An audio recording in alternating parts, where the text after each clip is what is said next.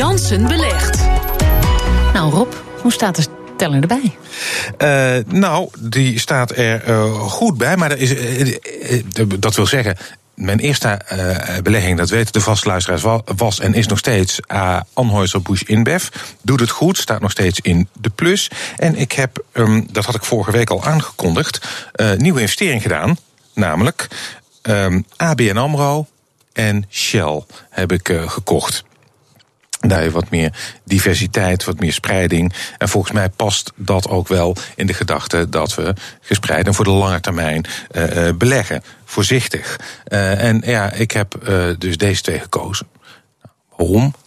Ik heb het vorige week al gehad over dividendrendement. Ik heb de hele AX even doorgenomen. Daar scoren deze twee heel goed.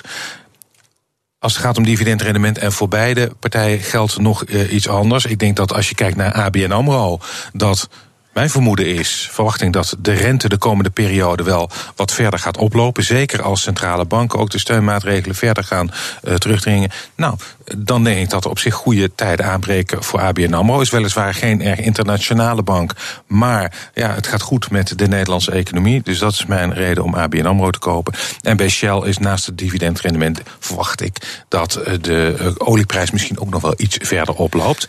Ja, het zijn wel safe bets, uh, toch? Zijn safe bets, maar ik denk... Kijk hem is alweer moeilijk kijken. Nee, nee, uh, Thomas. Maar, die wil gewoon je dat wil, je je wil wat meer uh, spanning en wat meer Hup, speculatie misschien.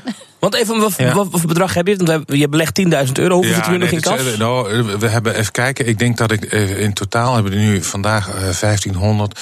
Uh, ik denk dat ik rond de 2000. Dus ik denk dat ik nog 8000. Uh, ik, ga, ik wil zoveel mogelijk nog ook kunnen uh, spreiden. Ja. Uh, ja, je ja, wil moet iets het ook wel spannend houden. Hè? We moeten ja. nog wel een Nou, paar afleveringen kunnen vullen natuurlijk. Een aandeeltje dat je zegt, nou, dat is een risicootje dat we nemen, maar... Hè? Ja, ik heb niks uh, tegen speculatie. En ik denk dat speculatie ook belangrijk is uh, voor de beurs. Want een deel van de winsten die ik maak... wordt natuurlijk ook uh, bepaald door speculanten ja.